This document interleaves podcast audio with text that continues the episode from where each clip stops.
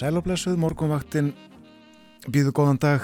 Það er miðugudagur 10. mæ miðugudagur já, við kann vinnu við kann hálnuð klukkunum vantan á nýjumyndur í sjö. Hér sitja Björn Þór og Þórun Elisabeth og ágættis veður víðast hvar á landinu.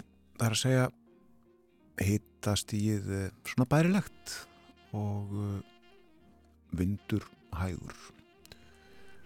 Ef nokkur sínist vera lognsum staðar.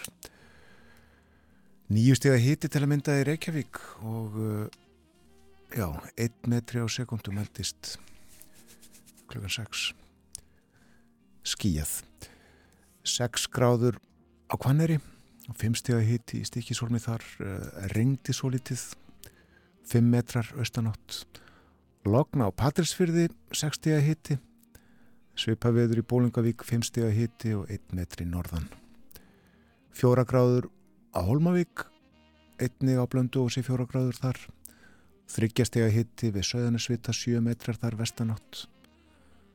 5 steg á Akureyri allskíjað. Fjóra steg að hiti á Húsavík og á Rauvarhöfn, 6 metrar á Rauvarhöfn. 6 steg að hiti á Skeltingstöðum og á Eilstöðum, lítilsáttur súld á Eilstöðum. Sjöstega hitti á höfni Hotnafyrði, 6 gráður á Kvískerjum, 10 stig á Kirkjubæðaklaustri, 5 metrar þar, 8 gráður á Stórhauða í Vestmanniðum, hægur vindur og 7 stega hitti Árnesi. Og uh, hittast í það hálendinu frá 2 gráðum og upp í 5. En já, uh, logn eða lötur hægur vindur almennt á landinu. Góla kannski þar sem að uh, loknið er hvað mest að líta sér. Já. En uh, eins og síðustu daga uh, þoka á östfjörðum þar sem fósettin er í heimsókn. Já, og þoku loft við sjávar síðuna víðar, samkvæmt spáni. En annars áfram hægir vindar, 3-8 metrar á sekundu, súld eða lítilsáttarregning víða. Og sem fyrir segir þokuloft við ströndina. Það verður þó bjart með köplum á Suðausturlandi og stittir víða upp með kvöldinu. Það er svo all mikil vaksandi lægð við nýfundnarland sem að þokast norður á bógin en úrkomisvæði hennar nálgast landið á morgun. Þá hversir úr Suðaustri og fyrir að rigna vestan til annað kvöld. Úrkomisvæði þokast áfram til austurs á förstudag og rignir þá víða um land en það helst þó að mestu þurft fyrir norðan. Fremur myllt veður og hiti getur náð 15 til 16 stegum þegar að bestlætur frá fjórum stegum. Og enn gert ráð fyrir kólunandi veðri á sunnudag og því að það verði fremur svalt á mánudag en nú komið spá fyrir þriðjudagi næstu viku og þá fyrir hlínandi á ný. Ég sé að eh, umöðu bara háti á morgun að það var gert ráð fyrir 14 steg að hita á Akureyri það verður logn eða 1 metri á sekundu og glada sólskinn Það ljóma vel. Það verður um mitt hlýjast norðaustan til á landinu. Það er ímislegt um að vera í umferðinni. Það eru komnar inn núna svona tilkynningar vegna leðtúafundarins sem að verður í næstu viku. Já. hefur þetta verið tilkynnt um að það verði tölvert viðtæk lókun uh, í miðbæri Reykjavíkur í kringum ráðstefnusvæði þarna, í kringum hörpu.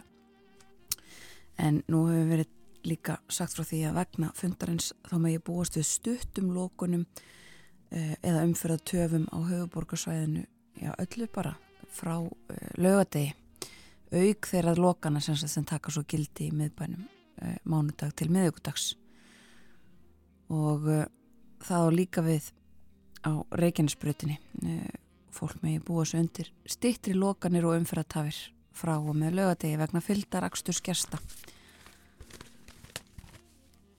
og svo er ímislegt annað.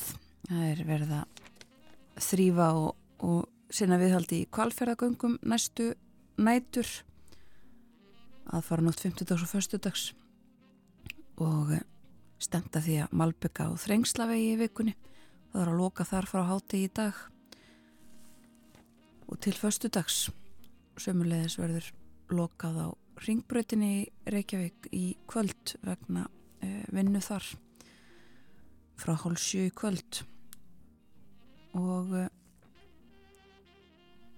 þetta er svona það, það uh, helsta sem að má nefna í, í byli en já, fólk sem þarf að fara að undirbúa sig bara um helgina fyrir það að verða fyrir töfum ef það er keirandi í umferðinni Já, uh, tafir viðbúnar á Reykjanesbrautinni þegar þau koma og fara leðtóðarnir sumir, uh, sumir lenda á keflaugurflugulli, uh, aðrir hins vegar á Reykjavíkurflugulli og það hefur talsvært verið talað um þessar enga þóttur sem að er koma margir á, mm -hmm. kannski allir, ég veit það ekki alveg, en það er sagt frá því í morgumblæðin í dag að leðtóðar hafa sumir saminast um farskjóta til Íslands. Já og þannig eru dæmið um að, að, að allavega eitt að, að alltaf fjóri leittóra hafi saminast um eina þóttu Það er ágætt.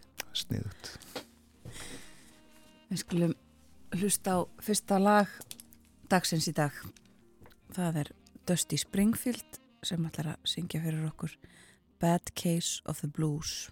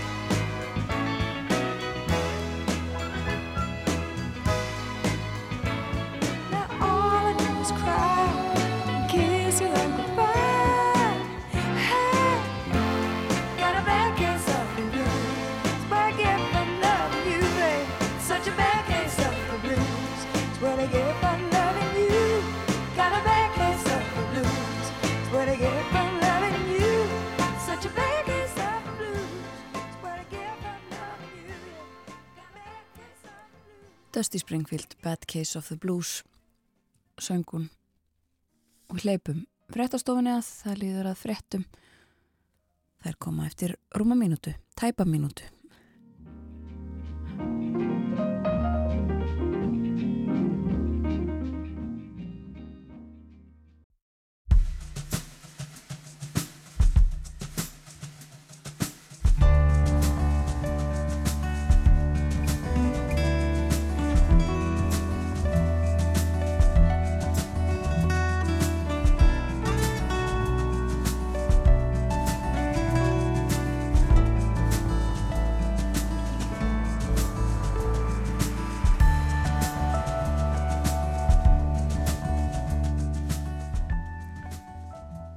Góðan dag, morgunvaktin helsar miðvíkudaginn 10. mæ. Umsjón með þættinum í dag hafa Björn Þór Sjóbjörnsson og Þórun Elisabeth Bóðadóttir. Það líður að leiðtóa fundi Európurráðsins í Reykjavík. Það er eh, vona á leiðtónum á mándaginn og svo fundaðir á þriðu dag og miðvíkudag. Við hefum fjallað um Európurráðið sem slíkt og umræðu efni fundarins hér á morgunvaktinni en tölum í dag um stjórnmálinn í aðildaríkjunum. Eirikur Bergmann, professor í stjórnmálafræði verður með okkur og fer yfir sviðið. Hernaður rúsa gegn úkrænumönnum er ástæða leðtóafundarins. Vegna stríðsins hafa öryggis og varnarmál verið í brennit eppli víða. Það á við um Danmörku eins og mörg önnur ríki. Dönsk stjórnvöld hafa hægt við að skera niður fjárframlug til hersins og ætla þvert á móti að auka þau talsvert. Borgþór Artgrímsson segir okkur frá því og fleira dönsku eftir morgunfréttinnar. Og svo er það Forsetta heimsóknin og Bimber heimsókn Forsetta Íslands til fjardabigðar. Hann hefur farið um sveitafélagi síðan á mánudag í fyllt Jónu Árnýjar Þórðardóttur bæjastjóra á fleira fólks. Og þetta er nánast með fyrstu embættisverkum Jónu Árnýjar að leið segja Forsettanum um sveitafélagið. Hún er nýtekin við sem bæjastjóri og við sláum á þráðin til hennar upp úr hálf nýju og spjöllum um heimsóknina og lífið og tilveruna í fjardabigð. Og við hefum nefnt það í morgun að það er þokuloft við sjávarsíðuna fyrir austan og þá við viðar um land. Það er hæglæti sveður, vestlæg eða breytilega 8, 3-8 metrar á sekundu og súld eða lítilsáttar regning. Þokuloft við sjávarsíðuna en bjart með köplum á suðausturlandi og það stittir víða upp með kvöldinu verður svo vaksandi suðaustanátt á morgun 8-15 metrar á sekundu og regning vestan til annað kvöld en annars munhægara og bjartviðri. Og hittin alltaf 15-16 stegum hlýjast á suðausturlandi í dag en norðaustan til á morgun. Alveg reynda ágættis vorfiður held ég með að segja Lítum á fórsíði morgunbladsins myndin eh, tekin í Liverpool í gær á fyrra undankvöldi söngvakettninar og uh, hérna má sjá uh, finska flytjandan Karja sem er saður hafa rappað sig inn í hjörtu Európubúa og hann er uh, skröðlegur er í ég veit ekki, þetta er eiginlega bara ermar, alltaf hægt að kalla þetta jakka Nei. grænum, skærum lit og verðist, ég misti nú að þessu verðist hafa verið svolítið sérkjænleg kóriografía í þessu atriði er þarna fólki einhvers konar halarófu. En uh, já, öll Norðurlöndin sem er keftu í gær, eh, sem voru auk Finnlands, eh, Norður og Svíþjóð, komist áfram. Já, rétt eins og við höfum talað um hér í gær morgun og haft svo sem upp úr norrænum fjölmjölum að þeim var öllum spáð svo litilli velgengni og þetta gekk eftir. Já, og þetta finska rapplag mun hafa heitið og heitir tja tja tja sérkynlegt verða að blanda þarna saman ólíkum uh, stílum og tónlistategundum en stóra fréttin á forsýðu úr Kópavogi en uh, bæjastjórnin þar hefur ákveðið að rifta samningi við ítalst verktakafyrirtæki sem að sami var fyrir fáunum árum um að reysa nýjan kársneskóla og segir hér að eh, verktakinn hann syndi ekki fullægandi úrbótum þrátt fyrir ítrekkaðar áskoranir. Kom þarna í ljós eh, sem sagt einhver sveppur eða slíkt. Og eh, einnig munu gluggar í nýbyggingunni hafa lekið. Og ítalarnir greinilega ekki til í að laga þetta. Og samingum því rift og einhverjir nýjir smiðir fengnir til þess að klára þetta. Það þarf að koma þessu koma þessu í gagnið fyrir skóla árið sem hefst á næsta ári sínist mér að þessari frétt. Þetta er nú svona það helsta sem við nefnum. Júbítu nú við, það er eitthvað hérna inni í blæðinu sem ég langaði að segja frá. Já, áðan töluðu við um uh, það að einhverjir þjóðarleitóðana sem að koma að hinga til Reykjavíkur í næstu viku ætla að saminast um ferð, saminast um engaþóttur. En uh, það sem vakti aðtekli mína var það að uh, það er unnið að því að byggja uh, fjölbillishús á Húsavík fyrir eldri borgara. Það er áhugavert. Og uh, Reykjavíkuborg hefur leikt 22 herbergi á fjórðu hæðu jóðallúsins fyrir hælisleitundur. Þetta ætla ég að nefna hér úr morgunblæðinu. En uh, já, aðeins út í heim. Fjölmjölar út í heimi eru uh, margir uppteknir af uh, þessum niðurstöðum kviðdóms í í bandaríkjónum sem heyrðum á í frettunum varðandi Donald Trump fyrirverandi fórseta. Kviðdómurinn komst að því að hann hafi sannlega gerst brotlegur og hafi áreitt fram í kynferðisbrot gagvart eh, konu á, á tíunda áratug síðustu aldar dæmti konunni í Jean Carroll samanlagt um 5 miljónir dala í skadabætur bæði fyrir sem sagt eh, kynferðisbrot en líka ærumeðingar. Hann hefur haft uppi uh, ljódorð um þessa konu uh, frá því að málið, málið kom upp. Hann var ekki dæmdur fyrir nöðgun en enga séður dæmdur fyrir að hafa brotið gegn henni kynferðslega og þetta er enga mál og hefur ekki um, neinar beinar afleiðingar ekki það reyndar að ég held að það séu nú alveg, sérstaklega fórseta frambjóðundur meg alveg hafa dóma einhverja, var það einhvern veginn þannig að einhver varð fórseti í fangilsi, ég mann þetta ekki en að minnstakosti er þetta enga mál en uh, talið samt gefa högstað uh, andstæðingar mögulegir Trumps sem vilja, uh, hann vil komast aftur í kvítahúsið, verða aftur fórseti bandaríkjana og það vilja fleiri republikanar auðvitað líka þetta gefur svona högstað á honum. En hefur ekki áhrif á formlegt kjörgengi? Þetta hefur ekki áhrif á, á neitt slíkt og þetta hefur um, virðist ekki hafa haft áhrif á heldur hans svona um, kjarnastuðningsmannahóp uh, sem hefur mikið til trú á því að uh, dómskerfið sé uh, bara virki ekki sé spilt og þarf fram eftir göttunum og hann hefur uh, með umvalum núna svona ítt undir ítt undir það þetta séu nortnaveðar, hann hafi bara ekki hugmyndum hver þessi kona er og fleira slíkt.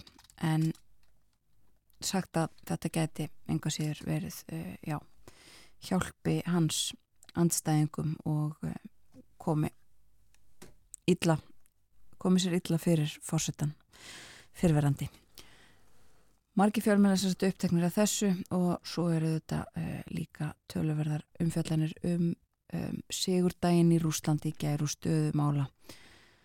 Við getum nefnt hérna uh, fórsíðan og informasjón í Danmörku þar sem að, uh, er talað um svona að undir niðri þessum lágstemdu, eins lágstemdar og þar geta orðið svona hersýningar hátíðahöld að undir niðri og baku þetta allt saman þá séu tölverðar áhyggjur uppi af gangi stríðsins í Úgrænu innrásareinar og hvernig þetta stendur allt saman fyrir rúsa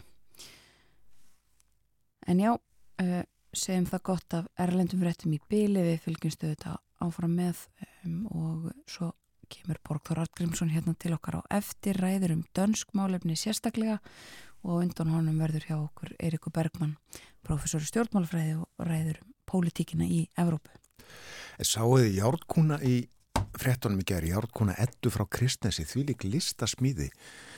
Þannig er að fyrir þreymur árum þá fekk eldsmiðurinn og bóndin Beti Stormó í Kristnesi í Eyjafyrði. Það er verkefni að hanna og smíða hú sem ferðamálafélag Eyjafyrðasveitar vildi koma fyrir í sveitinni. Og eftir tveggja ára smíði er etta tilbúin, tveggja tonna listaverkur, járni, þryggja metra hátt, verkið er þryggja metra hátt og fimm metra langt. Og uh, á verkinu eru meðal hans tekstar með, uh, með uh, brotum úr ljóðum og sögum. En uh, Þannig eh, segist eh, listamæðurinn beti vilja heidra sögu þessar merkilugu skeppnu sem að fyllt hefur manninum í mörg þúsund ár. Ágúst Ólafsson, fréttamaður, tók hús á beti í gerð. Beti, til hamingjum með eddu. Takk. Þetta er loksins búið. Þetta er loksins búið. Já. Búið er mikil vinna. Já, það er tvö ár síðan við smíðum fyrsta bútinn í þessa. Já. Og tvö ár er tími og þó að ég haf ekki unnið allan tíman sem sett í henni þá er hún allir búin að vera á herðu mér alveg í tvö ár og allir í fjölskyldiði. Hvernig líðið með þetta? Svona að þú hugsa byrjunna og þegar þetta var að byrja? Já, sko ég er bara rosalega ánað með kúi mín. Já. Ég verði að segja það. Já. Að hún eiginlega lítur út eins og mér langaði til hún ætti að líta út þegar hún væri tilbúin. Og það er mikil svona ánægu tilfinning. Veistu Hvað fór mikið játn í hana? Nei, en ég, ég held, ég hef búin að áætla að það séu kannski 2 tonn á játn. En hún er náttúrulega meitt smíðuð í mörgum bútum. Það séu það kannski hérna bara að þetta er bara einn bút sem er smíðaður og sniðinn inn og sett fast einhvern veginn. Og svo eru náttúrulega sumir bútanir stærri og aðri bútanir minni og, en, en hérna, Þannig að það er handa að vinna við þetta allt saman. Og mikið svona nostur. já þetta var í rauninni meira vinna. Ég vissi að þetta var mikil vinna. Já. En þetta var meira vinna en ég átti von á. Já. Og það sem kom mér mest á óvart af því að, eins og ég er búin að segja, ég meina ég vissi ekki hvað ég var að fara að gera þegar ég sagði, jú, jú, hörðu ég er til í að smíða kú og ég skal hafa henni þrýr metrar á hæð og fimm metrar á lengd og ekkert mál. Gerum þetta bara. Já. En það sem kom mér á óvart var þessi þrývitt. Að smíða hlutir í þrývitt, þar sem maður er að forma, svo sagt, játtstöngin, bæði beigjan í þessa átt og svo að reyna að beigja hann líka í þessa átt og svo kannski tvista því að hann fer utanum. Þá erum við komin í verulega erfið smíði af því að þegar þú byrjar að tvista þá eyðilegst allar beigjunar sem þú gerði fyrst í upphafi. Þannig að við vorum, ég man þegar við smíðum þetta hérna, eins og þessi stöng og þessi stöng og þessi stöng, að þá gerðum við þessar þrjár stangir á einum degi. Og við vorum tvö manns, tveir einstaklingar sem gera þetta, afrek á einum degi. Það er líka svolítið gaman að það eru, það eru setningar. Það er, þú búin að skera út. Anna. Hva, hvað stendur þetta? Já, sko, ég hérna, uh, ég fekk konu með mér sem heitir Valgerður Bjarnadóttir, að hún er svona sagnakona. Og eina af hugmyndum mínum með þessa kú var, jú, þetta er mjölkurkúur eigafyrði, 2023, en þetta er líka bara mörg þúsunda ára gömul kú, af því að kýr hefur fyllt okkur mannfólki alveg frá, það finnist hellamálverk sem er 10.000 ára gamlir með myndir af veggjanum. Er það ekki stórkoslegt? Og ég menna í, í, í, hérna, í stóru sögunar og mytologíana þetta, að þá var það mjólkur kú sem lag út og bjóð til vetrabrautin. Þannig að kýr hefur alltaf verið mikilvægar. Og mér langaði svo til að þessar sögur og að þessi kú varð af þessu. Og þá fekk ég þessi valgerði sem sagt til að taka saman setningar úr sögum þar sem kúm koma fyrir til að tengja þetta inn í henni og tengja þetta svo raunverulega að það eru bútar of setningum. Og hér er verið að minnast á sko að í Indlandi eru þær heilug og friðu dýr. Hérna er nú taktu hár úr hala mínum og legðu það á jörðina, mælu svo um. Meira af setningunni komst ekki fyrir. Hérna er eitt sem er mjög skemmtilegt, þetta er meira að segja, þetta er svo gamalt að hérna, maður getur eiginlega ekkert skilið hvað stendur sko. Báru öxn og átta enni tungl, þar gengu fyrir vin eigjar viðri valrauf fjögur höfuð. Skiljiði þetta ekki? Nei. Þetta. Þetta er sagan af því þegar Gyðjan, ég held ég sé að fara rétt með þetta gefjun, Mm.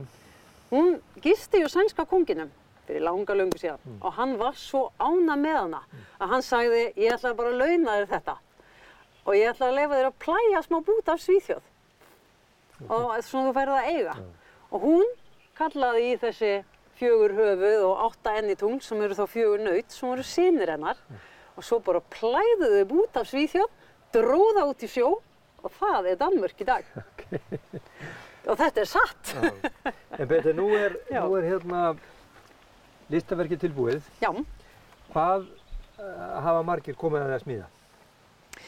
Sko það hefur margir komið að því að smíða en mest eru það fjórir einstaklingar, ég og þrýr meðhjálparar. Og þú hefur, það eru fólk sem hefur verið að koma hingað til þín og hjálpa þér. Já, ég þurfti að fá tvo sérfræðinga, eitt frá Sviss, Simon Beiler, Mm. hann smíðar brynjur, þannig hann er vanur að forma plötur og höfuðið smíða hann. Ég ákvað það alveg í upphafi að höfuðið ætla ég ekki einu sinni að reyna við að smíða, ég hef ekki kunnátt alltaf forma plötu í ölluleis. Þannig að ég fekk þennan mann til að koma og hann bara smíðaði þetta höfuð á einn mánuð og svo sá ég það að það var kjöri að hann myndi bara smíða júra líka og í lokinn tók hann halan.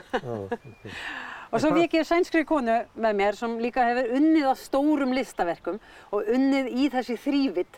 Þannig hún var svolítið klár í því, sko. Hvað gerist núna? Núna ætla ég bara að njóta hana Já. og ég er búin að segja við ferðamálafélagi að þeir fá ekki að taka hana fyrir 20. júni og þá ætla ég að vera svona alveg búin að fínpússa hana, að þá er hún alveg tilbúin.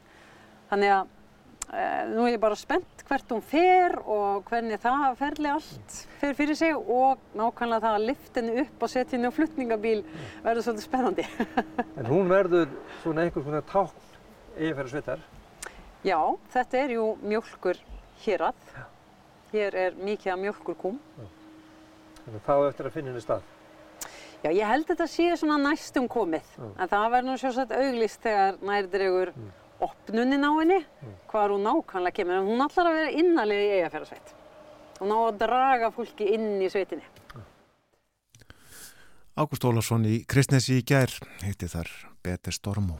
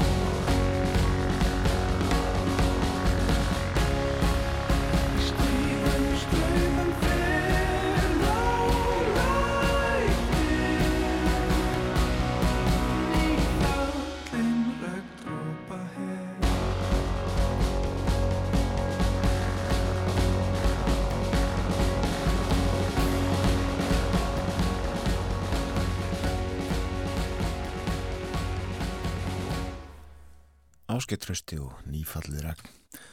Það var fjallað um ópjóðanótkun á alþingi í gæri sérstakri umræðu.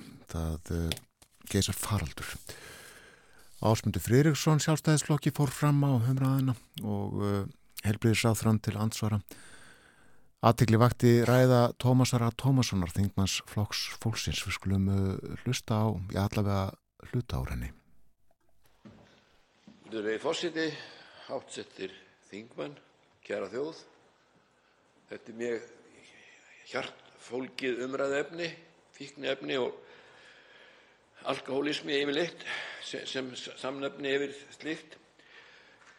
Ég þekki þetta vel af eigin raun undanfærin 42 ár.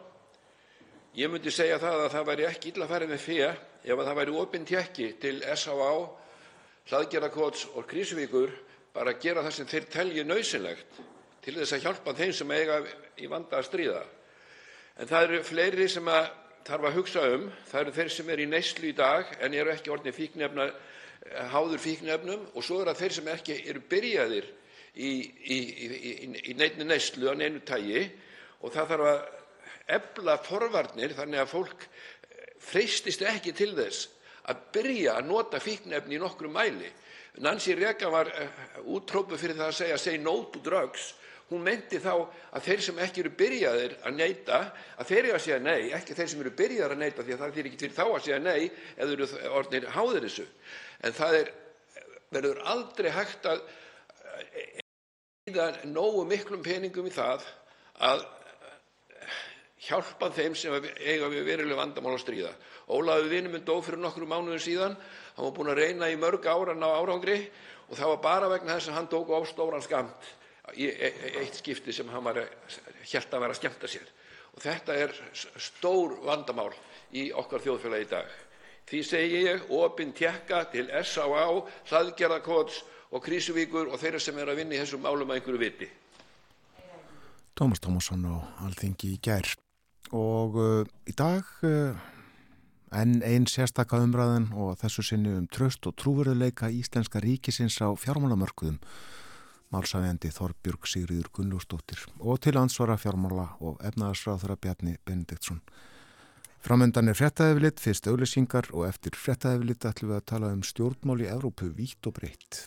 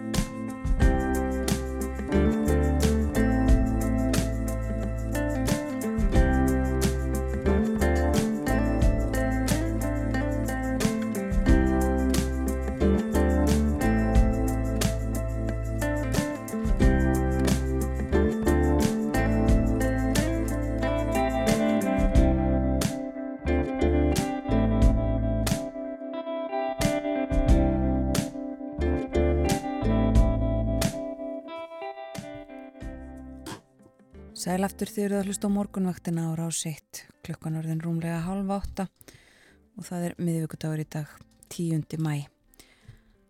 Örstutt að veðurhorfunum hægir vindar og víða lítilsáttar væta í dag en þóku loft við ströndina. Það byrtir heldur til á Suðausturlandi upp úr hádegi og stittir upp í kvöld. All mikil vaksandi læð við nýfundnarland þokast svo norður á bógin en úrkomusvæði hennar nálgast landið á morgun. Þá hversir úr söðaustri og fyrir að regna vestan til um kvöldið. Þetta úrkomusvæði þokast svo áfram til austurs á föstudag og regnir þá víða um land en það helst að mestu þurft fyrir norðan. Fremur myllt veður og hiti getur náð 15 til 16 stígum þegar að best lætur. Það verður hlýjast á söðausturlandi í dag en norðaustan til á morgun og áfram myllt veður. Fram til sunnudags skulum við segja þá er útlitt fyrir skamvinna norðanátt með regningu og jafnvel slittu engum norðan til og kólnandi veðri. Það verður fremur svalt á mánudag slittu jél eða skúrir en hlínandi veður aftur á þriðu dagi næsta. Og uh, á þriðu dagi næsta þá dregur líka til tíðunda hér í Reykjavík. Við hefum nefnt að í morgun förum ekkit yfir það aftur að við þurfum að búast við lókunum við sem erum á höfuborgarsvæðinu og Reykjanesinu. Um, þær munu geta tekið gildi frá helginni eða má búist til því að verði lokað eða umferða tafir í stuttan tíma frá lögadegi og það er alveg út miðvíkudaginn svo auk þess sem að svæði í Reykjavík verður bara algjörlega lokað og það er vegna þess að leiðtóðar aðeldar ekki Evrópusambandsins koma saman í Reykjavík í næstu viku Já, og það eru 46 ríki sem að eiga aðild að Evrópuráðinu og uh, vitað að leðtúar 44 þeirra verði í hörpu. Uh, það er óvíst hvort Erdogan, Tyrklandsfósetti og Selenski Ukrænufósetti koma. En uh, aðildaríkin eru afskaplega ólík og stjórnmálinn í þeim yðguð með ýmsum hætti. Flest eru líðveldi, nokkur eru konungsríki með þingbundna stjórn, í flestum eru fósættisráð þeirrar þjóðarleðtúar en í sumum eru það fórsetar. Samsteipustjórnir eru algengastar í ríkinum en í sumum er einn flokkur í efnan við völd. Og ríkistjórnir hafa vanalega meiri hluta þingmanna á baku sig en sumstaðar er hefð fyrir minni hlutastjórnum við þekkjum þetta allt. En hvað með sjálfa pólitíkina? Um hana fjöllum við næstu mínutur, um hægri og vinstri og ástand og horfur. Eirikur Bergmann, professor í stjórnmálarfræði, er komin í þáttinn. Góðan dag og velkomin. Takk fyrir það. Við erum býstna bjassina að gera stjórnmálum á svona stóru og fjölbreyttisvæði heimsins sæmili skila á, á kannski 20 mínútum en reynum samt. Nefnum allra fyrst að uh, okkur telst til að í þessum hópi 44 eða 46 leiðtó er að finna hvað, 5-6 konur eitthvað svo leiðis? E, já, það, það eru fáar núna. Um, það eru náttúrulega margar svona, svona þess, að þessum stóru kvenleið tóum, uh, svona tiltula nýstegnar frá, eins og Angela Merkel í, í Þýskalandi sem að náttúrulega bar, já, hvað var að segja, höfuð og herðar yfir stjórnmál uh, þar yfir, yfir langt ára, ára byl. Um, og á Norðurlöndunum þá var nú hérna ekkert fyrir svo lungu síðan þegar var, ég með Norðurlöndarafsfundur hér þá var bara einn kall uh, af, uh, af uh, leðtóum Norðurlandana nú í Breitlandi hafa auðvitað verið konur en það fór nú ekki vel fyrir þeirri sem seinust var þar, leist tröst, staldraði stutt við en það eru engum konur í fórustu á Norðurlandunum og Eistarsalsríkjum, þar eru nú tvær konur í fórustu í Íslandi Kaja Kalla sem er nú kannski að verða svona einn helsti leittói álfunar, engum vegna framgöngu hennar í gagvarti innrásin í Ukrænu og svo er líka kona í Litáin Um, en eina sko ríkið þar sem af þessum svona stóru Evrópuríkjum er auðvitað Ít Ítalija sem að Gríkoria Meloni er. En það verður líka sko að taka aðeins til þess að, að, að hvern þær eru fáar í austurálfunni. Og langt flest ríkin eru þar. Þó að sko mannaflinn sé kannski meiri vestri að þá er fjöldi ríkjana fleiri í austri Já. og um, þar bara hefur þessi breyting ekki átt sér stað með sama hætti og veist að megin. Er það svona í samræmið kannski stöðu kvenna í þessum samfélugum? Jú, jú, það er bara nákvæmlega það sem það er sko. Já, já, já. Ég var staldraðins við þessa leðtóa sem að er að koma. Er hægt að draga þá saman eh, í, draga fram einhver enginni á þeim svona í, í heild. Ég var einmitt að velta þessu fyrir mér þegar þið bóðum um að koma og kíkja hérna til ykkar að það er erfitt að draga einhverjar heilstæðar línur og það byrtist auðvitað í þessu svo staðreind að þetta er einhver markbrotnasta álfa, markbrotnasta landsvæði sem umgetur í pólitísku uh, tilliti hér í Evrópu ægir öllu saman á mjög samþjöppu uh, landsvæði að það eru þetta að draga svona einhverja, reyna að tappa einhverja ströyma út úr þessu. Við höfum séð að það hefur verið svona í Vestur-Európu um, svona á, á sumstar ákveðin uh, svona sveibla í sósjaldemokratiskar uh, áttir eftir að það hafi verið tölverð mikil svona íhalssveibla eins og á Íbyrjuskaganum þar eru, eru sósjaldemokrater við völd bæði Spáni og í, í, í Portugal uh, þar sem að hafði verið auðvitað tölvert mikið tók um, og um, Þískaland uh, sem að hérna eftir, eftir langa veru uh, hérna kristilegra demokrata þá eru sósjaldemokratar aftur svona komnir uh, þar nú við þekkjum þetta út á Norðurlöndunum hvernig þetta sveifla svona milli hægri á vinstri, en vinstri fækurinn verið svolítið sterkur þar.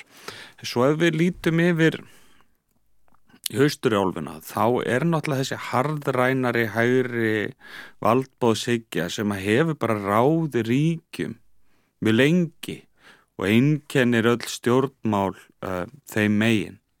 Veist, þekkjum Ungverjaland, við þekkjum hérna, Póland og, þekk, og það ásvipa við um mörg önnur lönd Tjekkland og, og, og, fleiri slík.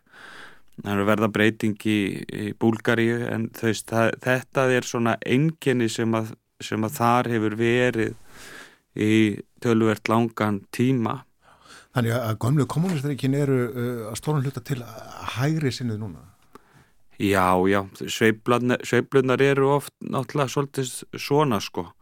Um, það sem gerist í Östurálfu eftir fall uh, Berlínamúrsins er að það kemur auðvitað von uh, sem að breyðist einhvern veginn yfir allt og það verður til svo tiltrú um, víða í Östurálfu að Eh, svona eh, velferðar eh, og velsælda ríki vestur-Európu mun einhvern veginn bara flæða yfir austurálfuna og þetta mun ekki taka nema einhvern veginn örf á ár að yfirfæra auðlegð vestur-Európu yfir á austur-Európu.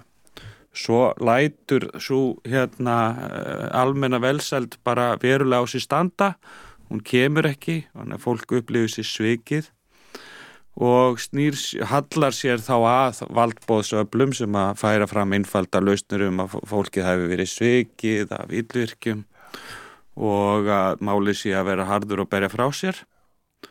Og, um, og þá verði allt, uh, allt gott sko og það, svo hefur það náttúrulega látið á þessi standa líka, þetta er þetta lengst gengið í, í Rúslandi og erfitt að tala um, en við þurfum blessunlega ekki að tala um Rúsland og þeir eru ekki lengur í þessum klúpi mm. þannig að það er bara þróunin þrá allt öðruvísi, þráttur er þennan langa tíma sem að liðin, en þó ekki alls það eru þetta ekki, þú veist, eistrasallt er aðeins öðruvísi sko. Já, akkurat En uh, þú eh, hefur rannsakna populisma sérstaklega, já. hann er eitthvað viða í jólunni? Já, já, ég minna náttúrulega á Ítalíu sem við nefndum á þann, þá er þetta fyr, svona fyrsta hreinræktaða populista stjórnin sem við sjáum í Vestur-Európu sem er ekki er bara þá svona þessi valbastjórnun uh, sko Östur-Európu og þetta hafa verið populistar við völd við það og, alveg sérilagi á Ítalíu en þetta er fyrsta sinn sem þið stýra einir, þrýr populiskir flokkar saman í ríkistjóð það hefur aldrei séð áður. Þannig að þessi eh, sko, ef maður er að skoða einhver málefni hvaða mál eru það sem að brenna á Európabúum þá eru þau auðvitað nokkur. Það er eitt af þeim er þessi gríðarlegi ströymur eh, fólks engum og sérlegi frá Norður Afríku og Miðausturlöndum um, yfir til uh, Európu og andstaðan við þennan ströym hefur meðal hans framkallað þennan þess að valdbóðsíkju, populisma hver usli sem er orðið í þjóðfélagunum en svörin hafa verið mismunandi. Og en sumstaðar hafa populistandi bara unni þá umræðu og öll meginlands svona meginströym stjórnmál einhvern veginn tekið upp á arma sína eins og í Danmörku til dæmis sem að fósettisrátur að Danmörkur uh, Mette Freriksen sem er fyrir fyrir sósjaldemokratikum flokki hefur tekið upp stefnu danska þjóðaflokksins upp á punkt og prigg nánast í þessum, þessum öfnum. Þetta er eitt, síðan er það náttúrulega er þessi svona uh, sko uh, þessi, þessi sko óreiða í lífskjörum sem að fólk er að upplifa núna, er, maður áttast ekki alveg nákvæmlega því hvað sko hugtök er best að nota til þess að lýsa því en það er allavega að grýpa um sig örvænting uh, á sumum stöðum sérstaklega í svona stjætt skiptari þjóðfélögum uh, um að um, verðbólgan sem er farin á stað með víða í kjölfærið á koronaveiru krísunni og þeim aðgjörnum sem gripi var til þá er að valda miklum usla. Og þegar þetta tvent kemur saman óttin við aðstreymi útlendinga og svo uh, ótti um sko eigin efnahaga þá er þetta aldrei svona voðin vís í stjórnmálum oft sko mm.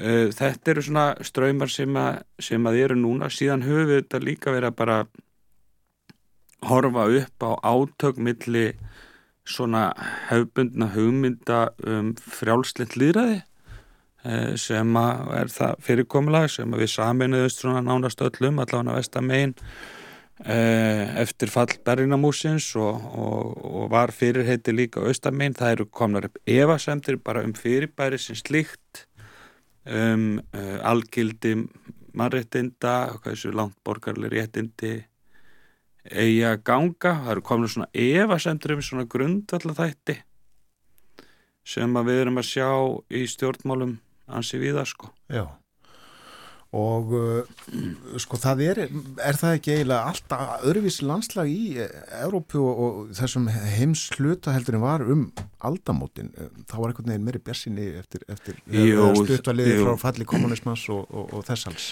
Sko, ef við, ef við tökum punktstöðu sem sagt, já, þá, þeim áratögnum fyrir seinustu aldamót þá er þessi heimsmynd sem að blasi við okkur. Berlínamúrin er fallin eh, sko, vestræna líðræðiskerfi hefur segrað það var skrifað bækur um sko, endalokk sögunar um að frjálstend líðræði myndi taka við og einhvern veginn við myndum lifa í, í, í vellistingum blerismans bara hérna í allri nálæri e, framtíð síðan tekur sagan hennan sveig sem ég er að nefna hérna á hann er komnar bara hvernar efasendur um þetta fyrirkomulega og allt það mm. og við erum í miklu meiri ósætti og svona óreiðu núna heldur en þá ég held að við verðum að taka hér inn í myndina bara breytingar í allir miðlun á sko senasta áratug, senustu aldar þá voru við öruglega að hátindi svona massa miðlunarinnar sko, við vil kalla bara mónomiðlunar í merkingunni að, að við upplifðum öll svona uh, sama um, svona upplýsingastreimi í þjóðfélaginu þó að það væri auðvitað margvísleir fjölmjörður alltaf, það voru svona miðla svona cirka bát samsvarandi upplýsingum. Núna er þetta brotnað upp í miklu, miklu smerri einingar og það er miklu auðveldar að lifa í afkimum heldur en að áður var. Þetta er svona afkima væðing samfélagsins í, í heil, þannig að allt verður brotakendara fyrir vikið. Mm. Þannig að þeir sem að uh, sjá heiminn í svona rjó, uh, rósröðum bjarma hérna, tíunda áratögur eins þyrtu kannski að fara að gera sig grein fyrir að hann kemur aldrei aftur. Þetta tímabil er einfallega li, liðið og við þurfum að bara lifa við meiri óvissu heldur en áður var og þetta er ekki bara við um Evrópu, mér sjáu við hvernig ástandi hefur verið í bandaríkjónum að undanferðinu, sveiplunar sem þar eru. Sko, lengi vel var það þannig að sveiplunar voru miklu meiri í austur Evrópu. Það var farið frá sko harðræn, sko bara mjög rótækum vinstriflokkum yfir í mjög svona harda valdbóðsina, hálfasíska uh, stjórnmálaflokka og svo aftur tilbaka. Mm. Nún eru mikið uppgjör í gangi þau veist í Tyrklandi og nefndir að Erdogan kæmi nú kannski ekki og það er nú út af svo litlu kostningar sem að standa fyrir dyrum þar sem hann stendur bara verulega uh, höllum fæti þar sem að mun svona mildari uh, frambjöðandi er að skora hann á hann á hólm. En þessi sko þessi, þessar öfga fyllri reyfingar sem við séða alveg austrinu það er nú daldi að koma líka vestarmegin, ég meina stjórnarskipti núna á Ítalíu eru alveg sko öfgana á milli. Matti og Renzi og, og þeir sem voru þarna áður eru andstaðan alveg við Meloni. Og hérna, já, þannig að þetta er og við erum að sjá sko ég meina í Finnlandi þá tekur sko Sanna Marin og hérna svona mjög frjálslind uh, stjórn til vinstri við af sönnum finnum sem hafðu verið þarna um tíma áður sko. Og þeir núna á leið aftur í stjórn? Já, kannski að einhverju leiti, já. En ekki í fórustunni þá. Nei. Og megum við búast við því einmitt í þessari auknu óvissu að svona verði þetta í auknu mæli? Ég, ég sé í rauninni ekkert í spilánu sem bendir til annars núna. En uh, sko maður ætti að varast að setja sko og reyna að ho- horfa til framtíðar. Því hver skipti sem maður tekur punktstöð eitthvað aftur í fortíðin og reynir að setja sig í spór þá hefði maður aldrei getað ímyndu sér hvað varð síðan þannig að, að hérna það eina sem við vitum er bara að óvissan er meiri, óreiðan er, er vissulega meiri en óreiðan eru þetta líka uh, ástand sem að uh, hinn styrki leiðtói getur eh, nýtt sér til þess að lofa að sko greiða úr þeirri óreiðu og bjóða upp á einhverja voðalega vissu kannski með áhersluna á orðið voðalega Já. Þetta eru kjöraðstæður fyrir alls konar. Þetta er alveg kjör aðstæður fyrir það en síðan megu heldur ekki gleyma því að sko uh, evrukrísan og hrunið hérna fjármálakrísan sko 2008 sem leitið síðan til evrukrísan á 2009-10 hún situr ennþá í þessari álfu og mjög djúft Uh, sko uh, stjórnarskiptin á Greiklandi, það er bara nýverið sem að sko Syriza liðar eru að fara þar frá völdum. Uppgangur Podemos og, uh, á Spáni sem er núna komin inn í, inn inn í ríkistjórn og svona ákveðið, ákveðin gliðnun sem að verður inn í Evrópusambandinu uh, á þeim tíma að uh, að afleðingar hennar lifa þarna enn, svo kemur núna þessi koronavirukrísa og efnaðserfileikanir í kjölfarið á þeim aðgerðum sem þá var greipið til. Og þetta blandast allt álítið svona saman, þess vegna erum við að sjá þessa mynda sem við sáum að Evrópa er því svona saminuð þarna á tíunda áratögnum þegar allt gekk út á það að það voru bara fleiri fleiri ríki inn í Evrópusambandi sko og að, að það, það er horfið og þá voru við náttúrulega með fyrir bara eins og Evrópuráðið hafði geng, eh, sko gengdi auðvitað einhver hlutverki. Eh, það verður algjörlega gags, eða sko hefur ekki mikið hlutverk eftir að Evrópusambandið er komið til skjálana Evrópusambandið er stopna vegna þess að Evrópuráðið hefur ekki sko ákvarðanatöku vald. Og Evrópuráðið dagar runninu uppi bara sem uh, sko svona samráðsvett okkur og svo auðvitað domstólinn sem er undir þeirra hatti sem að skiptir verulegu máli. Svo til skamstíma að þá skipta þeir máli vegna þess að Östur-Európaríkin voru að koma þarinn, samstarfið við rússana skipti, skipti máli, svo detta þeir út aftur og það verður gagslaust á nýjan leik, en svo kemur úkrænustríðið og við horfum upp á þessa brotakendu mynd og þá kannski aftur verður þetta einhvers konar vettvangur. Hérna sjáum við sko hvernig sveiflunar bara breyta stöðinni frá degi til dags og, og, og, og stöðu þessara stopnana en Evrópa er álfa sem að sko eðli álfunar er nánast að vera í átökum. Þetta er sko átaka mesta álfa sem að umgetur allar stóri styrjaldinar byrja í Evrópu og yfirleitt byrjaðar sko á Balkanskaganum. Og þannig að, að, að Evróp er algjörlega bráðnauðsilegir þessi vettvangar, hafa einhver svona fyrirbæri til þess að takast á þetta og núna erum við aftur að sjá miklu meiri, miklu meiri brotakend, miklu meiri óreiðu og þá er svo litið mikilvægt að menn geti eitthvað starf tala saman. Já, þannig að þú fagnar leittóafundinu við Reykjavík í næstu viku.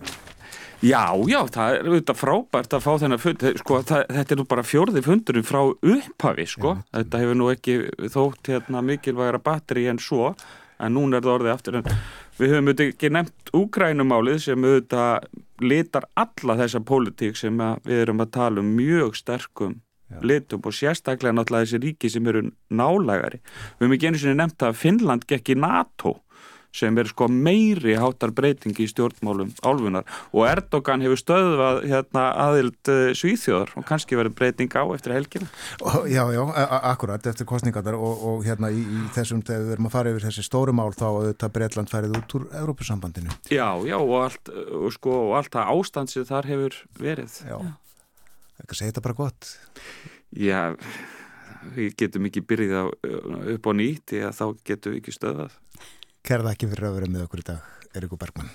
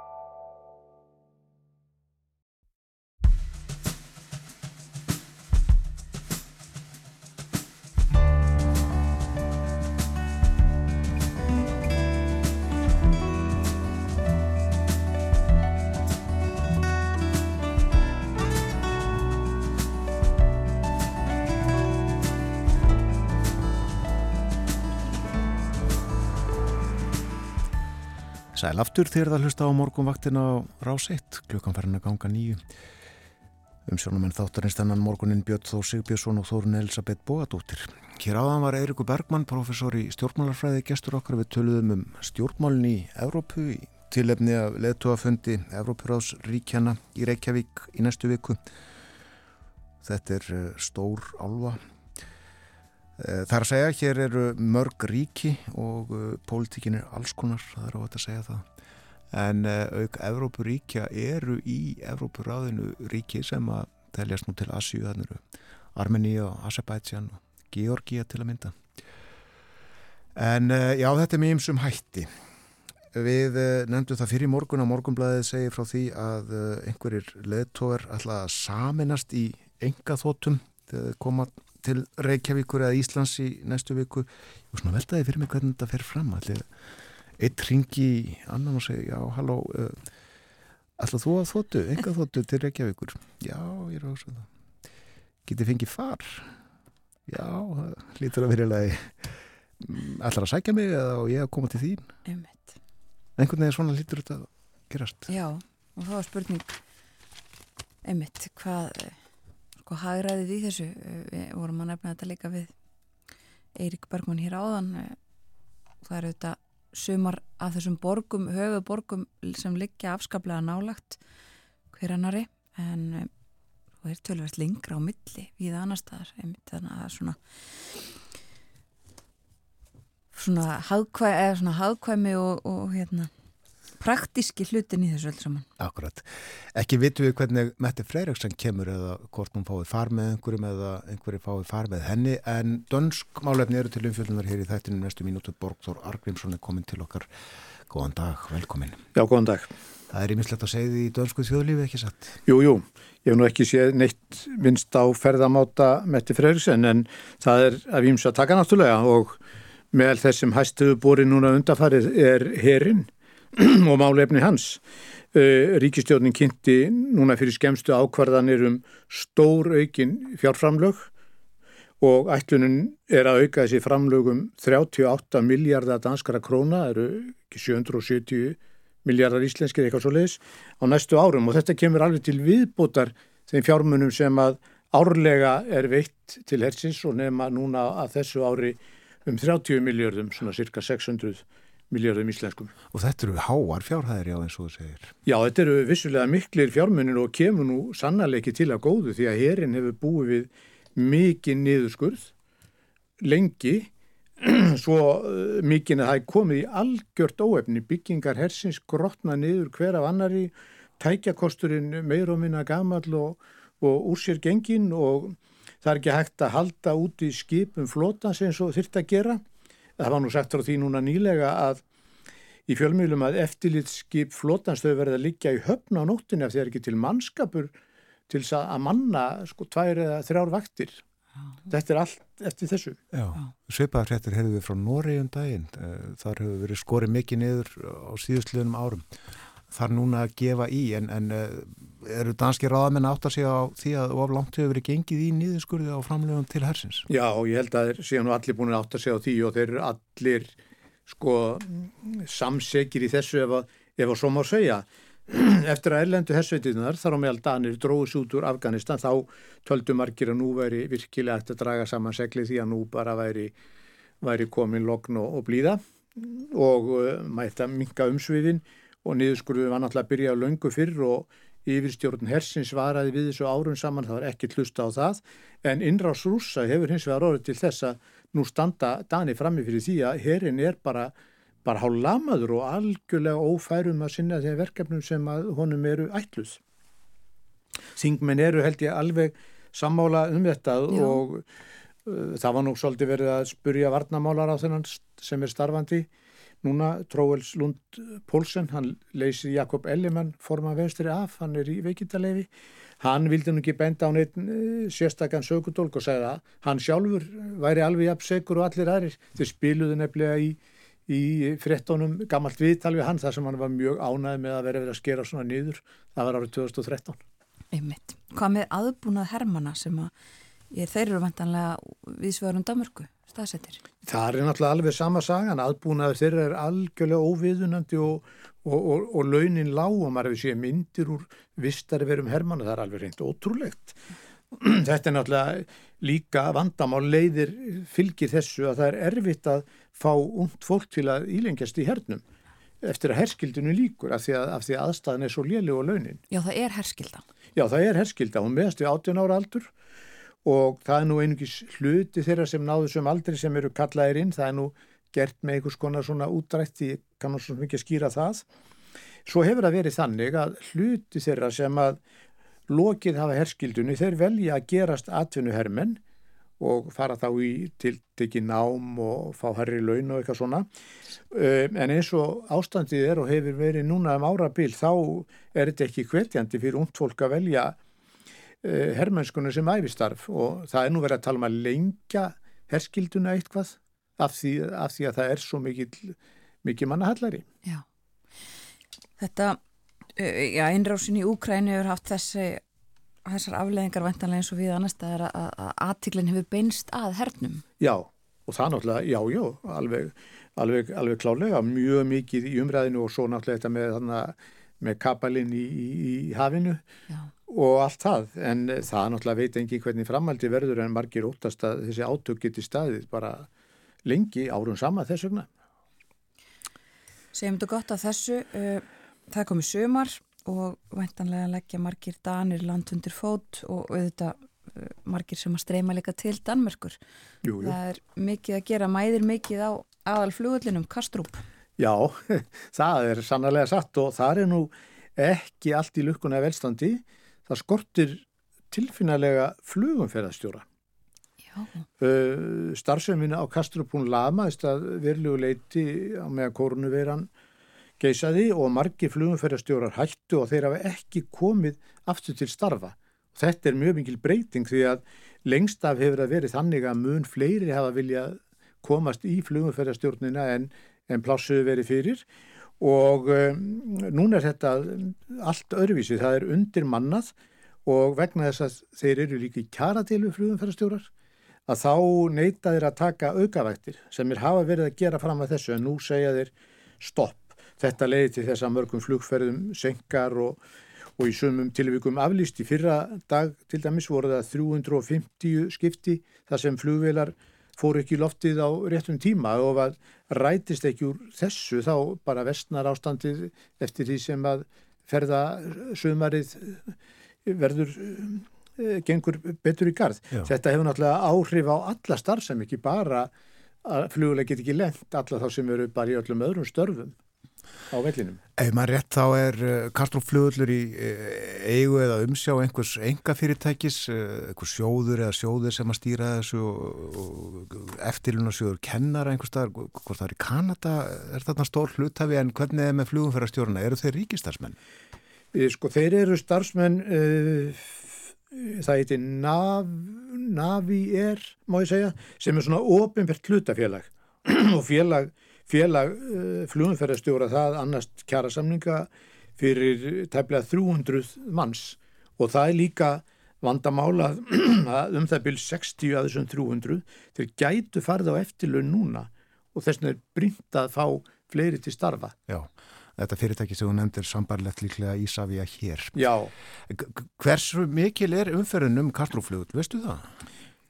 lendingar og, flugtök á Kastrup eru jafnað um 800 á dag. 800? Já, og, og uh, farþegar sem fara um völlin eru svona í kringum 80.000 að jafna þetta dálaglegur hópur. Ég held að það fari 60 flugular um keflaðugurflugull í dag eh, farþegavélar og einhverja fraktfélar. Já. Þetta kannski Já, svona slagar upp í hundrað eða eitthvað svo leiðis. já, já. En þetta er, Þetta er þetta mikið og, og, og, og uh, ég bjónu rétt hjá flugvellinum árun saman og sá að það var alveg stöðut rennir í sko upp og niður, alveg hreint bara fram á nótt. Vél við vél. Vél við vél. Já, einmitt og fimm eða sex vélar á dag sem að fara hérðan til Kastrup um, og ekst bara á sömrin. Já, já. Við skulum skiptum kúrs, við ætlum að tala um stafsetningakennslu, nýmæli í stafsetningakennslu. Já, Suðudanski háskólinn og, og Dönskmálu nefnd, þau hafa núna ákveðið það að bjóða almenningi upp á námskeið í kommusetningu sem sé hvar eigi að setja kommur í texta.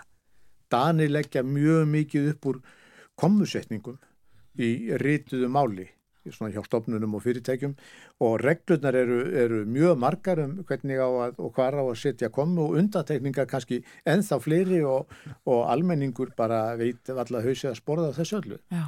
Og hvernig fer þetta fram? Hvernig á að kenna fólki þetta? Þetta á að fara fram á netinu og þetta verður ókeppis og nefnandin getur sjálfur valið erfileika þrepið og, og tekið eh, námskeiðið eða þetta tiltekna þrepp oftar en einu sinni og þess vegna svo fært sig upp í næsta þrepp ef hann svo sýnist og uh, sá nefnandi sem að líkur námskeiðinu með fullnægandi hætti hvar sem hann nú hættir í þessu að hann uh, fær skriflega staðfestingu útskrifaður í kommusetningu. Já. Þetta er ekki byrjað en, en það er, frettatilkynningi var send út í gær og um, háskólinn og málnefndin þau kalla þetta fólkegafi, gjöf til fólksins. Og komurnar á hárréttum stöðum í þessari tilkynningu. Já, ég þór ekki að segja það í nýbís nú alveg fastlega við því. Já, þetta er ókeppis, sagðuru. Uh, Já, við ætlum að vikið talinu að peningum og kaupmunum. já, fjölmilar, þeir hafa núna sagt frá því að samtök danskara smákaupmanna uh, vilja að þeim verði í sjálfsvald sett hvort þeir taki á móti mynd og seðlum. Já. Uh, er það ekki þannig núna? Nei, það er nefnilega þannig að í lögum sangvænt þá ber vestlunum að taka á móti greiðslum í mynd og seðlum aukavita korta sem að langflestir nota. Þetta hefur verið í lögum frá 1984, þetta með skilduna að taka við peningum. Þá, þá uh, var dankorti svo nefnda sem er greiðslukort sem nánast hver einasti dani notar.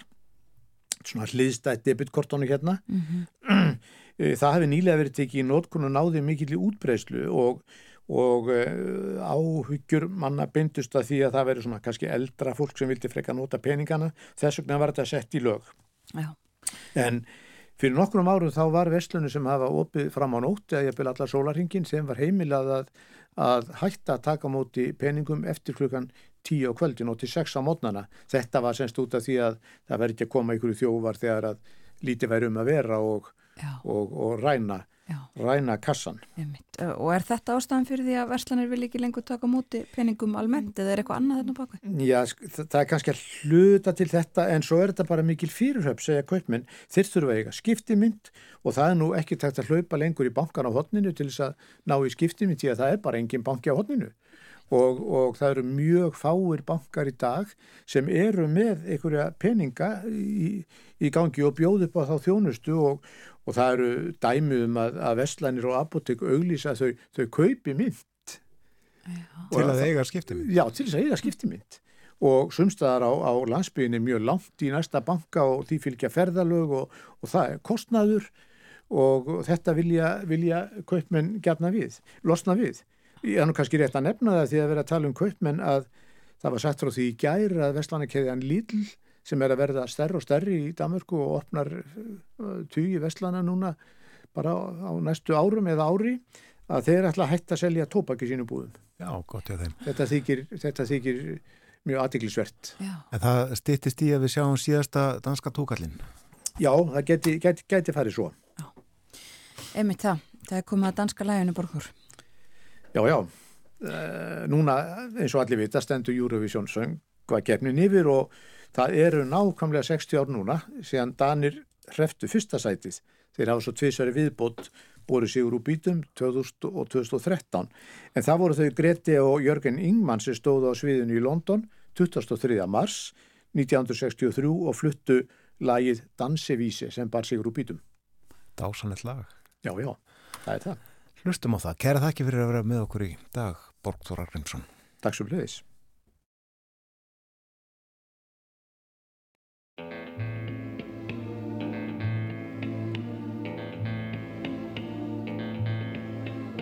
Et solstrejf i en vandpyt Et lille kindkys af en vind Og sivet der nynner at livet begynder sit spil i dit sind sølvfløjt fra en trætop. En svalterfat lyd af en kat. En rislen i bækken, en visselen i hækken Der siger, at det ikke mere er nat? Nu hvor ligger engen Jomfru daggry går til ro.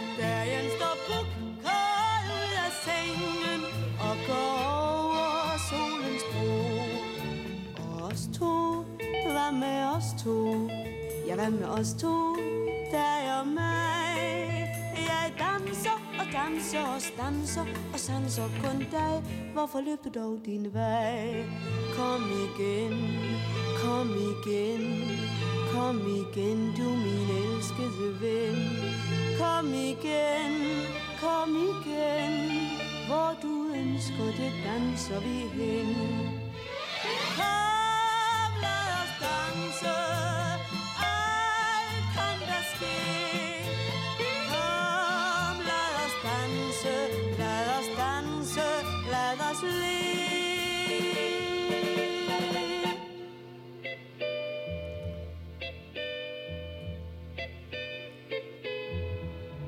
Et sølvfløjt fra en trætop Et svært svætterfat lyd af en kat en rislen i bækken, en visselen i hækken Der siger, at det ikke mere er nat Du går, ligger engen Jomfru daggry går til ro Dagen står puk kold ud af sengen Og går over solens bro Og os to, hvad med os to?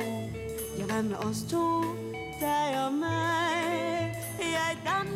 Og danser og stanser Og sanser kun dig Hvorfor løb du dog din vej?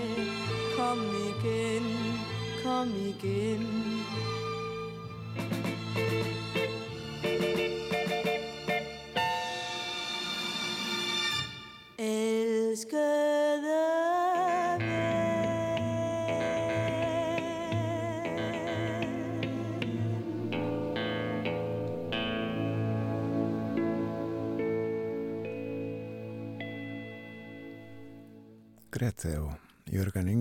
sigur við að vera söngvakeppni Európskra sjónvastöða Já, fyrir sex- 60 árum. já, þetta er svo litið öruvísi stemning heldur en í mörgum lagana í gæra minnstakosti.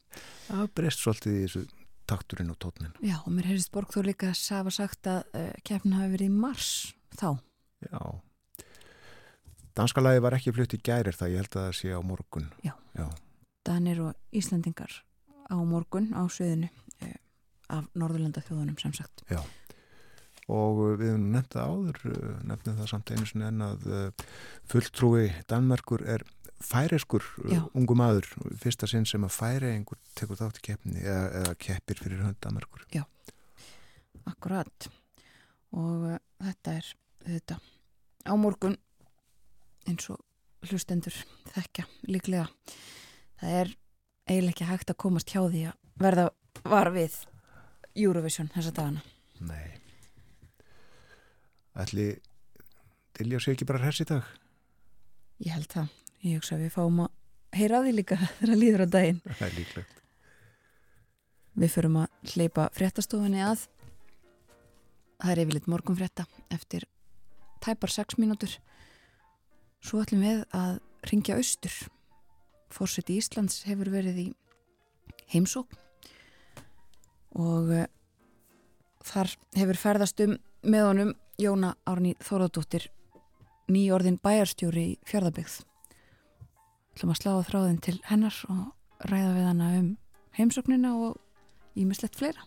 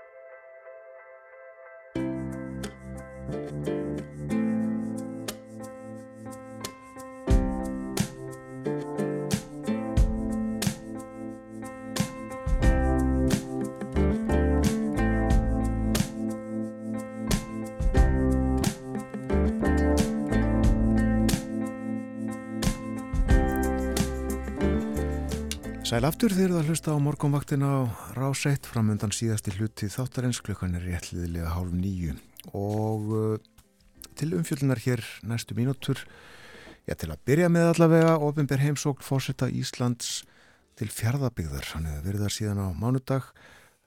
Heimsókninni líkur svo setna í dag. Í símanum hjá okkur er Jóna Árný Þórðardóttir bæjastjóri í fjárðabigð heil og sæl og góðan dag. Já, góðan daginn. Við þurfum að byrja á því að fá frá þér veðulýsingu. Er enn þoka hjá þér? Já, hérna er þoka niður í rétt niður fyrir miðja hlýðar. Ég sit hérna á bæjarskristofunni og, og reyða fyrir og, og horfi á háttegis, í áttina háttegisfjallinu en það sést ekki. Æ, Og þoku. og hefur þetta verið svona síðan á mándaginn?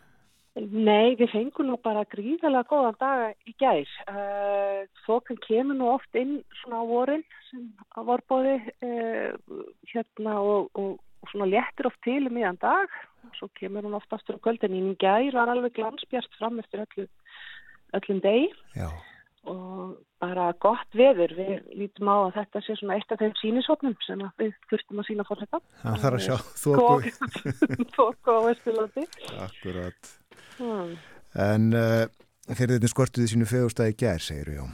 Já, og gera það alla jafna alla daga en, Já, en, já, hérna, en, en svona þetta var, var uh, góð dagur hjá okkur bæði á mánudag og í gær. Förum aðeins yfir það sem að þið hafið uh, gert síðustu daga. Hvað hefur þið sínt fórsetanum? Já, við tókum á mótonum hérna bara uh, efst undir grænafellinu uh, þegar hann kom hérna inn, inn, inn í sveitafélagið og byrjuðum á því að, að fara og, og hitta starfsfólk sveitafélagsins hérna á Reyðafjalli og ókus út á Norrfjörð þar sem við hittum hann í, í uh, hérna, skrifstofuklasa sem er þar, múlanum, samvinnuhúsi. Kíktum á leikskóla á Norrfyrði og, og heimsóttum svo flóðasvæðið uh, fyrir ofan uh, esti í mýrakvæfinu hjá okkur. Og, uh, og hérna svo var haldið um borði í, í tóðara, fórum og, og hérna fengum að fara um borði í beiti, þar sem að skipstjórin fór yfir stöðu uppsjáveiða og ímislegt og fórstjórin fór aðeins yfir, yfir bara sögu fyrirtækisins sílhjóðslunar Mm. og þá var haldið í sjúkráhúsið og svo fórum við um borði í, í, ferjuna okkar yfir í Brekkuþorpi í Mjóafyrð Já, og það var upplöfun að sigla fyrir uh, nýpuna í, í uh, fólku og, og inn Mjóafyrðin og taka hvað samfélagi þar tók vel á móti fórsetanum með kræsingum úr, úr fyrðinum og hérna og fóru svo í kjölfærið út á Páskusverð svo voru við gær byrjuðum við Sunnamein og uh, byrjuðum á Breitasvík og, og heimsóttum bæði dagvist aldraðara og kíktum á leikskóla og, og heimsóttum líka hérna ferðarþjónustu fyrirtæki og, og brugghús það þarf að hafa alla, alla, alla hérna e, bræðtóna með í svona ferð já, og fenguð ykkur öl? Já, við smökkuðum Já. aðeins og, og fengum góðan harfisk með líka sem er, er framleitur á, á Breitasvík. Já. Og svo heldum við áfram og, og, kíktum í Breitas og stöðafæraskóla og, og hérna, svo sköpunarmiðstöðinu. Það var hópur listamanna að, að störfum í sköpunarmiðstöðinu og, og kíktum í upptökustúdíóið sem er þar, stúdíó síló og heldum svo áfram í skólamistöðun og fáskursverði þar sem var bæði sungi og dansa fyrir fórsetan með, með miklum, miklum tilþrifum af nefndum og uh, heldum svo áfram í lónuvinsluna og heimsóttum hjúkuruna heimili og heldum svo fjölskyldihátt í, í tónlistamistöðun og eskifri setjumpartin í gær og enduðum svo í, í kvöldferð vorum búin að sjá hreindýr á ferð um svæðið og, og svo fekk hann að smakka hreindýrabólur í, í lok dags í gerkvöldi. Góð geti, vantarlega.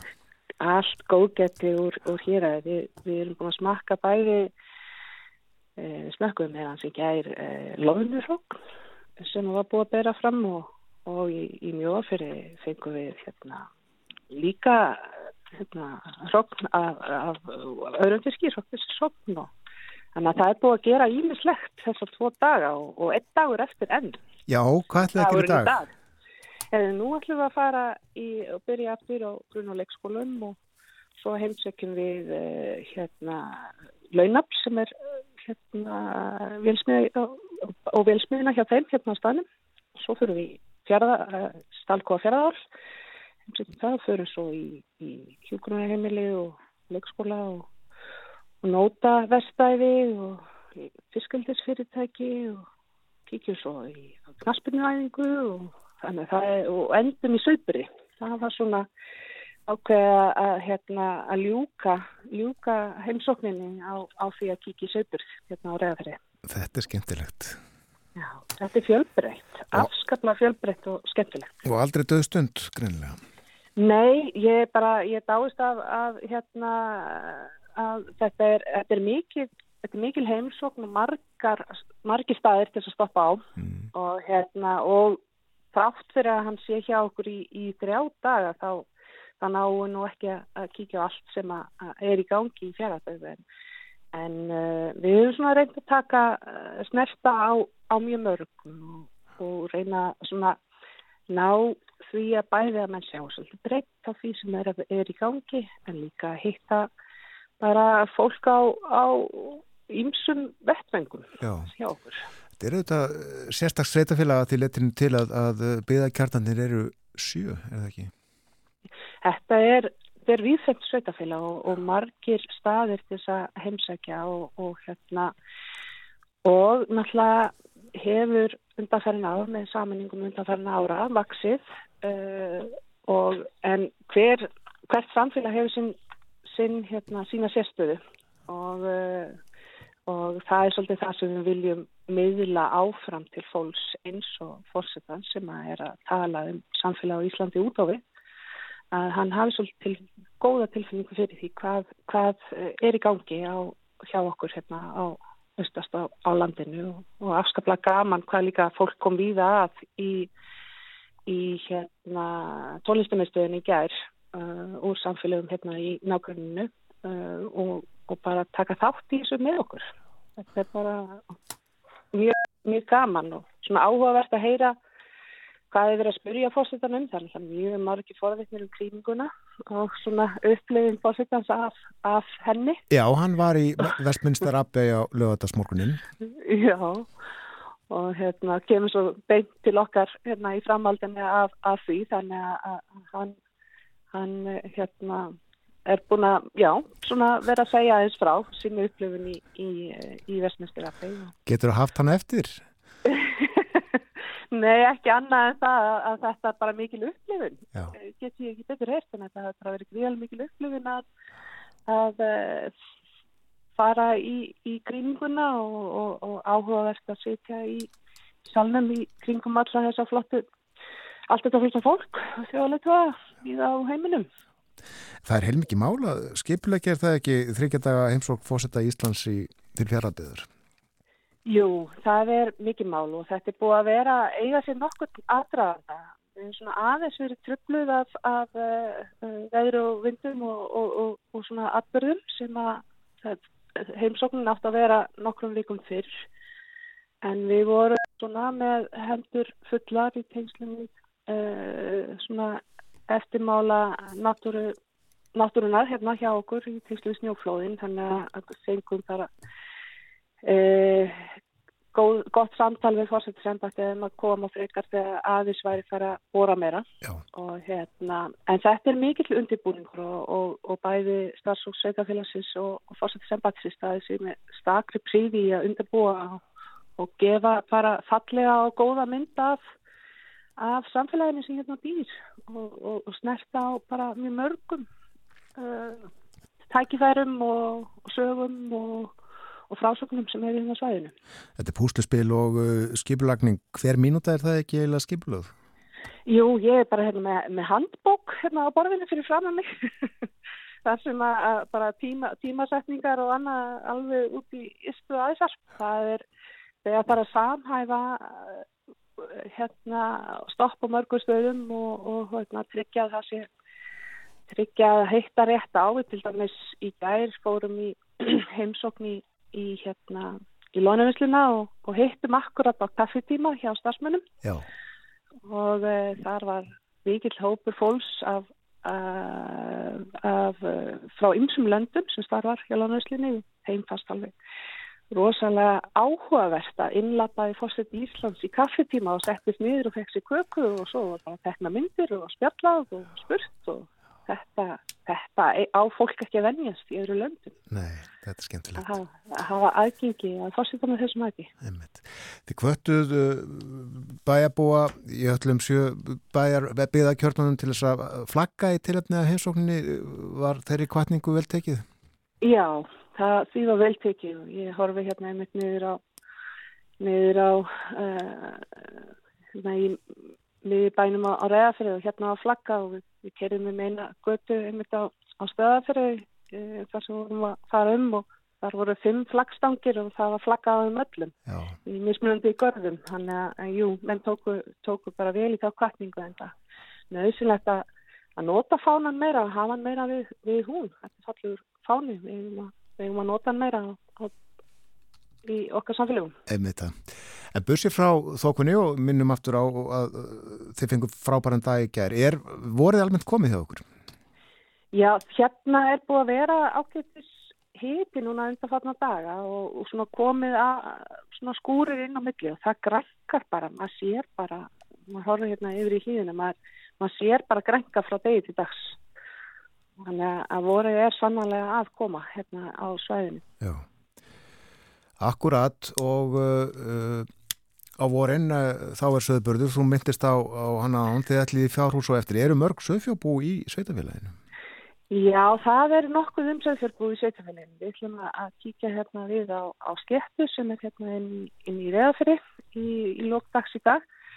En jú, það er, er kannski svona uh, sá hluti landbúnað sem við erum með í sveitafélagin er mikið til söðfjörrækt og, og hérna og mjög skemmtilegu tími ég er mitt bí í sveit líka hann að hérna næja að kíkja aðeins í, í fjárásum hjá, hjá fóröldurum mínum um, núna og hérna og þetta er alltaf töfrandi tími þegar söðbúri byrjar á vorin. Þú býrði sveit, já? Já, já býr rétt fyrir innan bæin, uh, rétt fyrir, eða svo í Norrfjörða sveit, fyrir innan Mirskustaf og það er í tvíbili við fóröldra mína og, og þau eru með uh, nokkrar kindur og það er söðbúri á vorin. Já, og er allt komið af stað þar? Já, allt komið af stað og bara gengur vel, alveg ótrúlega vel. Það er gott að heyra. Hérna, við, þannig að þetta er bara hluti af, af orðbóðunum. Skrifstofunar, bæjarskrifstofunar, eru, eru þær ekki á reyðafyrði?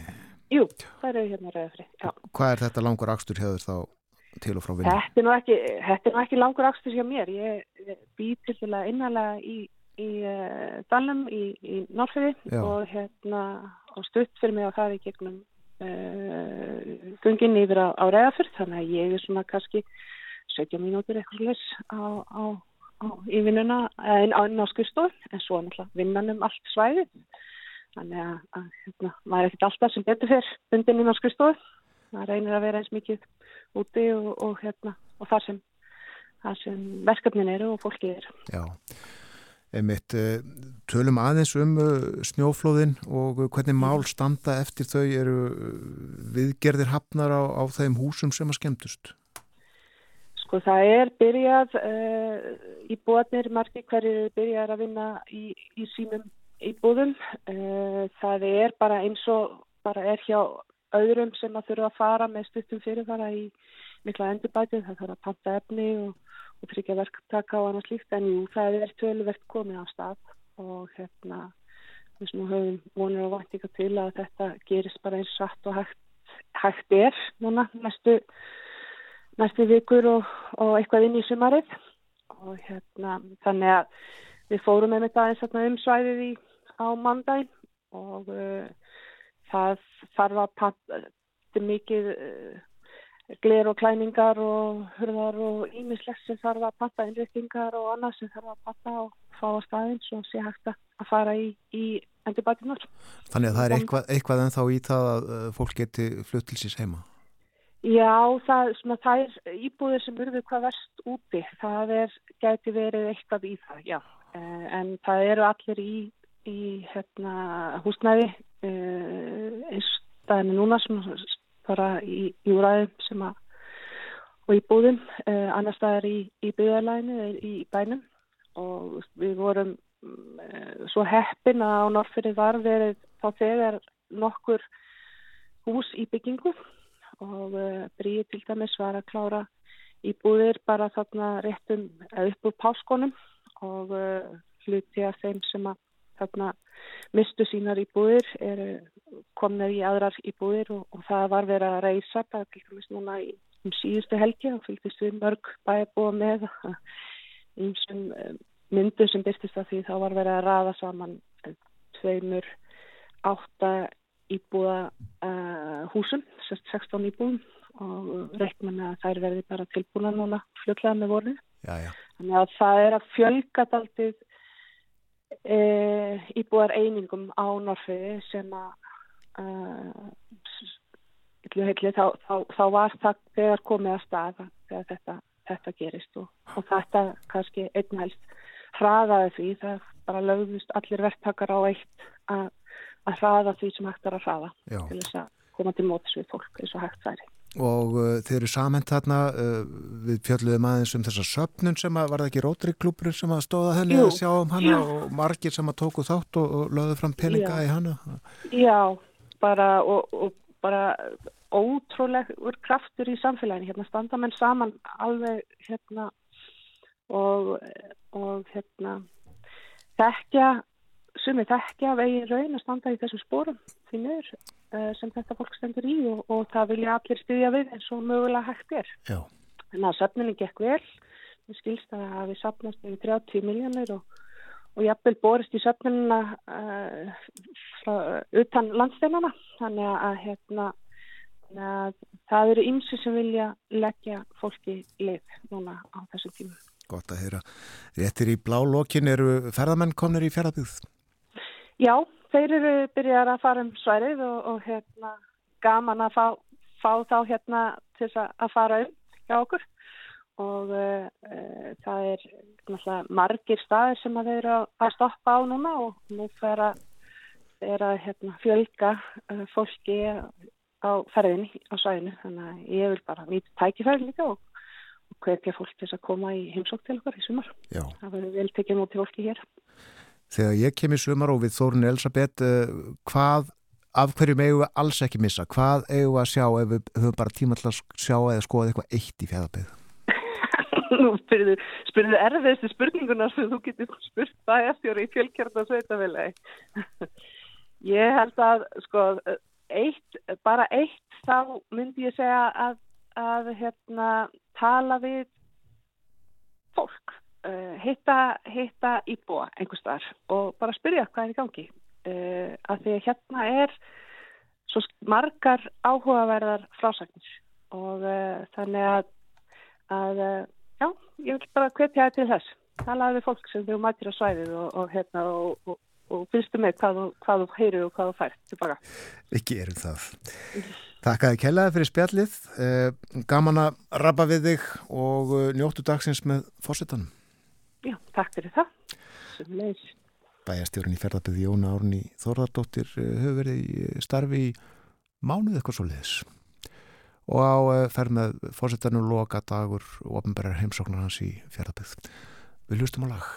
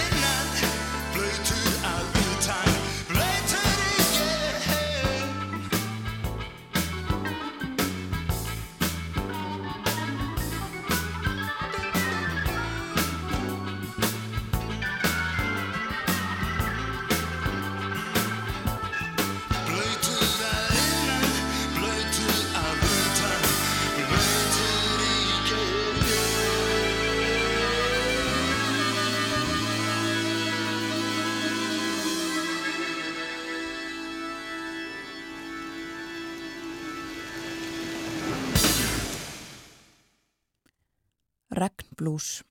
Þetta voru mannakorn og það er regning víða um landið. En þó ekki allstaðar og verður ekki allstaðar um, í dag. Og uh, svo verðum við líka að muna regningin hún er svo mikilvæg við sjáum það hér á höfburgsvæðinu hvað hún hefur uh, hefur allt grængað verulega örfáum dögum með svolítið duglegri regningu og hlýjendu með. Já. Mm. Við leikum annar lag um rigningu snemma í morgun, þá var það áskýrt trösti. Það er svolítið af rigningar lögum til. Færri lög uh, kannski um þóku, en það er þóka fyrir austan. Það sem að Jón Árni er bæjarstjórin í fjörðabyggð sem við rættum við hér fyrir þetta lag. Þetta er með lokið eh, klukkan alveg að verða nýju. Við verðum hér aftur í fyrramálið og uh, lofum að lögin sem við leikum þá munum fjallað um eitthvað annað en rigningu. Kanski eitthvað annað við fyrir, fyrir bríði. Aldrei að vita. Kemur allt í ljós. En við þökkum samfélgina frá því snemma í morgun og já, eins og áður saði verðum hér aftur í fyrramálið og þá ætlum við meðal annars að bara rétt að segja frá því. Tala um stjórnmálinni Tyrklandi, kostningarnar þar á sunnudaginn. Já, Bói Ágússon í fríi eins og við nefndum líka í síðustu viku. Einmitt. En þessu lokið í dag. Þökkum samfélgina, njótiði dagsins. Verðið sæl.